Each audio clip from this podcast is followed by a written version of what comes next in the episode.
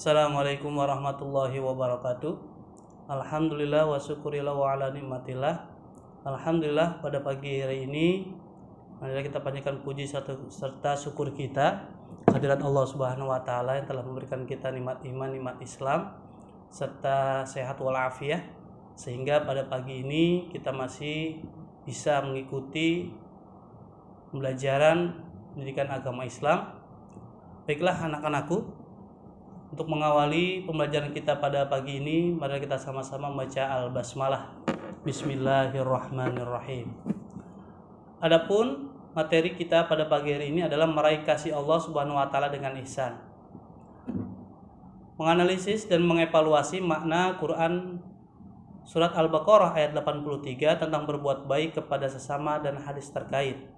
Pengertian ihsan dari sisi kebahasaan Kata ihsan berasal dari kata kerja fiil yaitu hasuna yahsunu hasanan. Artinya baik. Kemudian mendapat tambahan hamzah di depannya menjadi ahsana yuhsinu ihsanan. Artinya memperbaiki atau berbuat baik. Menurut istilah ihsan pada umumnya diberi pengertian dari kutipan percakapan Nabi Muhammad SAW dengan malaikat Jibril ketika beliau menjelaskan makna ihsan yaitu Qala an ta'budullaha ka'annaka tarahu fa in lam takun tarahu fa innahu yaraka. Artinya Rasulullah Shallallahu alaihi wasallam bersabda, "Kamu beribadah kepada Allah seolah-olah kamu melihatnya. Jika kamu tidak melihatnya, maka sesungguhnya Ia melihatmu." Jadi ihsan adalah menyembah Allah Subhanahu wa taala seolah-olah melihatnya dan jika ia tidak mampu membayangkan melihatnya maka membayangkan bahwa sesungguhnya Allah Subhanahu wa taala melihat perbuatan kita. Dengan kata lain, ihsan adalah beribadah dengan ikhlas, baik yang berupa ibadah khusus seperti sholat dan lain sebagainya, maupun ibadah umum seperti aktivitas sosial. Dalam Quran surat Al-Baqarah ayat 83, banyak ayat dan hadis yang memerintahkan agar kita berbuat ihsan Salah satu ayat yang akan kita bahas lebih lanjut terkait dengan perintah ihsan adalah firman Allah dalam Quran surat Al-Baqarah ayat 83. Bismillahirrahmanirrahim.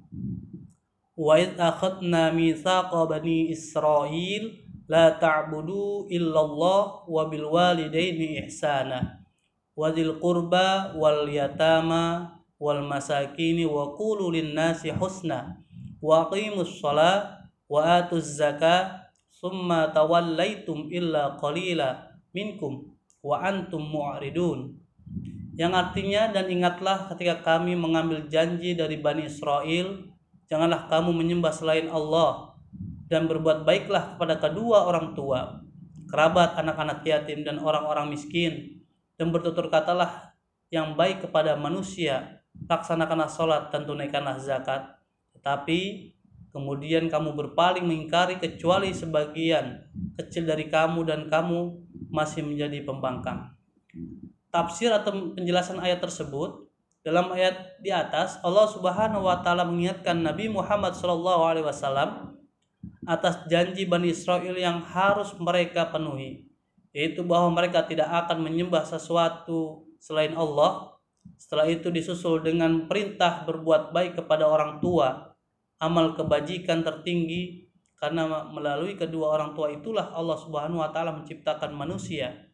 Sesungguhnya Allah Subhanahu wa taala menyebut hak kedua orang tua, sebutkan pula hak kerabat atau kaum keluarga yaitu berbuat kebajikan kepada mereka.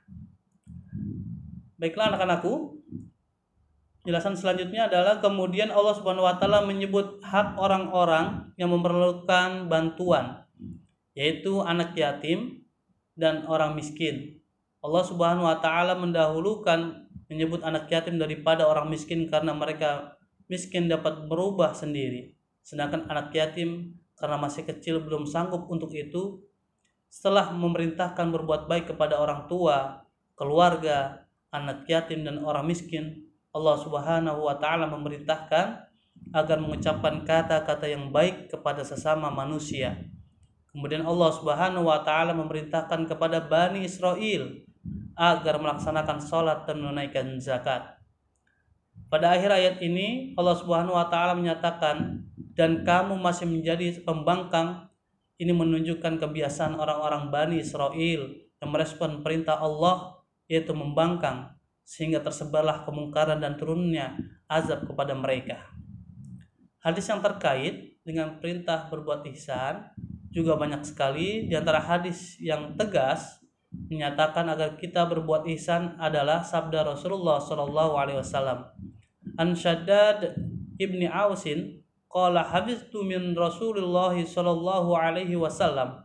Isnataini qala Allah katabal ihsan ala kulli syai'in fa idza qataltum fa ahsinu kitlah kitlata.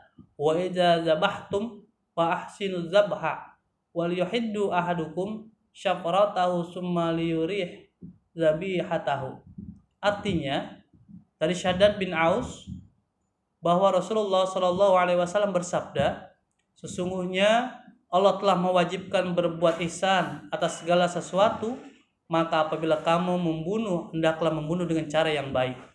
Dan jika kamu menyembelih, maka sembelihlah dengan cara yang baik dan hendaklah menajamkan pisaunya dan menyenangkan hewan sembelihnya. Hadis riwayat Muslim. Dalam hadis di atas, Rasulullah menegaskan bahwa sikap dan perilaku ihsan itu diperintahkan Allah Subhanahu wa taala dalam sebuah bidang kehidupan. Lebih lanjut, dalam hadis ini Rasulullah Shallallahu alaihi wasallam memberikan contoh lain tentang cara berlaku ihsan. Jika harus membunuh dalam peperangan, maka harus dilakukan dengan baik.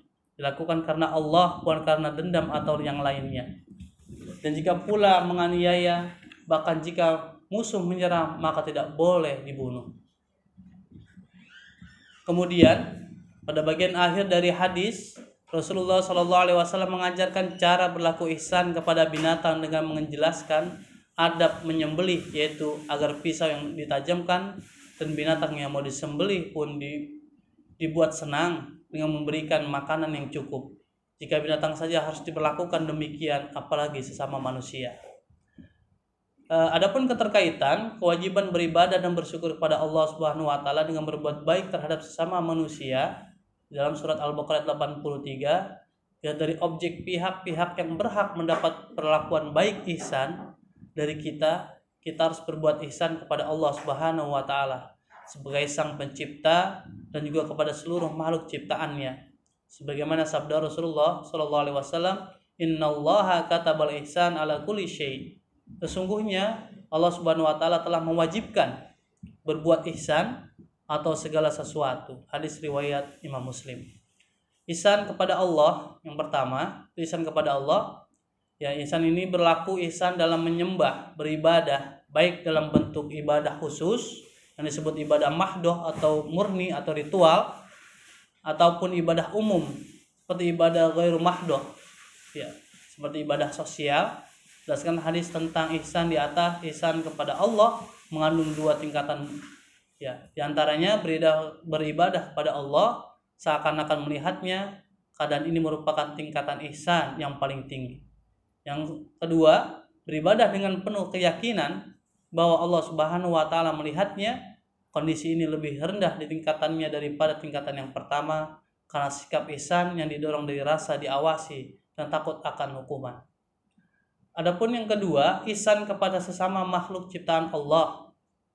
Dalam surat Al-Baqarah, eh, dalam, maaf, dalam surat Al-Qasas ayat 77 Allah berfirman, Bismillahirrahmanirrahim.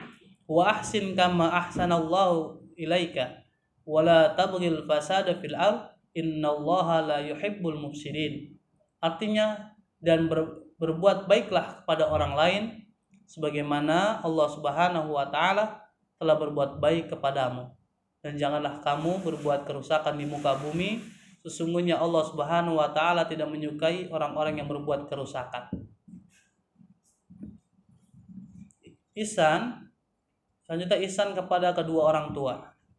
Allah Subhanahu wa taala berfirman dalam surat Al-Isra ayat 23 sampai 24 Bismillahirrahmanirrahim. Wa qada rabbuka alla ta'budu illa iyyahu wa bil walidaini ihsana.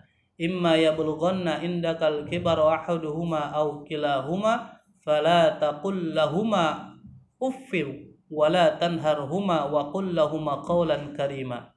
Wahfid lahuma janaha dhulli minar rahmah wa rabbi wa qul rabbirhamhuma kama rabbayani shaghira yang artinya dan Tuhanmu telah memerintahkan supaya kamu tidak menyembah selain dia dan hendaklah kamu berbuat baik kepada ibu bapakmu dengan sebaik-baiknya. Jika salah saat, jika salah seorang di antara keduanya atau kedua-duanya berumur lanjut dalam pemeliharaanmu, maka sekali-kali janganlah kamu mengatakan kepada keduanya perkataan ah dan janganlah kamu membentak mereka dengan ucapan kepada mereka perkataan membentak mereka ucapkanlah kepada mereka perkataan yang mulia dan rendahkanlah dirimu terhadap mereka kedua kedua dengan penuh kesayangan. Dan ucapkanlah wahai Tuhanku kasihinilah mereka keduanya sebagaimana mereka berdua mendidik aku di waktu kecil. Dalam sebuah hadis riwayat At-Tirmizi dari Abdullah bin Umar Rasulullah Shallallahu alaihi wasallam bersabda ridho ridho Rabbi fi ridho walidi wa sakhatur Rabbi fi sakhatil walidi Keridhaan Allah berada pada keridhaan orang tua dan kemungkaran Allah berada kepada kemungkaran orang tua. Maka kita sebagai anak jangan sekali-kali membangkang atau membentak kedua orang tua kita selama orang tua kita masih hidup. Maka di situlah kita harus benar-benar berbakti dengan sebaik-baiknya kepada kedua orang tua kita. Yang selanjutnya ihsan kepada kerabat karib.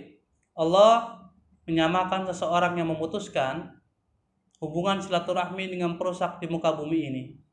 Sebagaimana Allah berfirman dalam surat Quran surat Muhammad ayat 22 Bismillahirrahmanirrahim.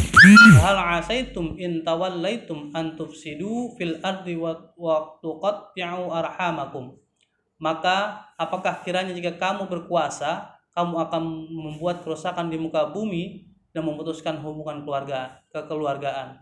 Silaturahmi merupakan kunci mendapatkan keridhaan Allah sebab paling utama terputusnya hubungan seseorang hamba dengan Tuhannya adalah karena terputusnya hubungan silaturahmi. Nah, selanjutnya ihsan kepada anak yatim. Berbuat baiklah kepada anak yatim ialah dengan cara mendidiknya dan memelihara hak-haknya.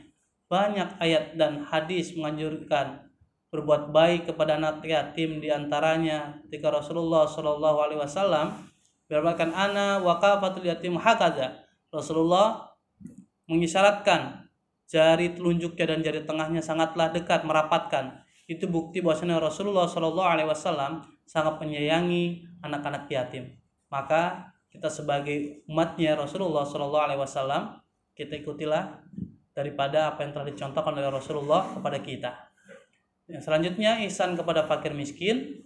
Nah, berbuat ihsan kepada orang miskin ialah dengan memberikan bantuan pada mereka terutama pada saat mereka mendapat kesulitan. Rasulullah bersabda as-sa'i alal arah alal armalati wal miskin kal mujahidi fi sabilillah. Orang yang menolong janda dan orang miskin seperti orang yang berjuang di jalan Allah Subhanahu wa taala. Selanjutnya ihsan kepada tetangga Ihsan kepada tetangga dekat meliputi tetangga dekat dari kerabat atau tetangga yang berada di dekat rumah serta tetangga jauh baik jauh karena nasab maupun yang berada jauh dari rumah Rasulullah Shallallahu Alaihi Wasallam bersabda Wallahi la yu'min Wallahi la yu'min Wallahi la yu'min Kila waman ya Rasulullah Qal alladhi la ya'manu jarahu bawa'iqahu Demi Allah tidak beriman Demi Allah tidak beriman tidak beriman. Para sahabat bertanya, siapakah yang tidak beriman ya Rasulullah? Beliau menjawab, sesungguhnya orang yang tidak aman tetangganya dari gangguannya. Itu adalah bukti bahwasannya Rasulullah sangat menyayangi umatnya. Dan kita harus mencontohkan bagaimana Rasulullah menyayangi tetangganya. Sampai mengulang tiga kali ucapan. Wallahi wallahi wallahi. Isan yang selanjutnya isan kepada tamu. Ihsan kepada tamu secara umum adalah dengan menghormati dan menjamunya sebagaimana Rasulullah Shallallahu alaihi wasallam bersabda, "Man kana yu'minu billahi wal yaumil akhir falyakrim dhaifahu." Barang siapa yang beriman kepada Allah dan hari akhir hendaklah memuliakan tamunya. Ya, selanjutnya ihsan kepada karyawan, ihsan kepada sesama manusia. Kita harus itu man, bagaimana Rasulullah bersabda, "Man kana yu'minu billahi wal yaumil akhir falyakul khairan aw liyasmut." Mana siapa yang beriman kepada Allah dan hari kiamat hendaklah ia berkata yang baik atau diam. Nah, inilah yang diajarkan oleh Rasulullah Shallallahu alaihi wasallam kepada kita untuk ihsan kepada sesama daripada tidak apa kita berbicara yang kurang baik atau berbicara menyakiti hati perasaan orang lain lebih baik kita diam. Itu membuktikan kita bentuk ihsan kita pada sesama manusia. Baiklah anak-anakku adapun hikmah dan manfaat ihsan dari pelajaran tersebut ini yang pertama adalah berbuat baik ihsan kepada siapa pun akan menjadi stimulus terjadinya balasan dari kebaikan yang dilakukan yang dilakukan. Demikianlah Allah Subhanahu wa taala membuat sunnah atau aturan bagi alam ini. Alam ini ada jasa dan balasan. Semua manusia diberi nurani untuk berterima kasih dan keinginan untuk membalas budi yang baik. Menerapkan perilaku yang mulia ini ya sikap dan perilaku terpuji yang harus dikembangkan terkait dengan ihsan ialah semua perbuatan baik kepada Allah dan kepada makhluk ciptaannya.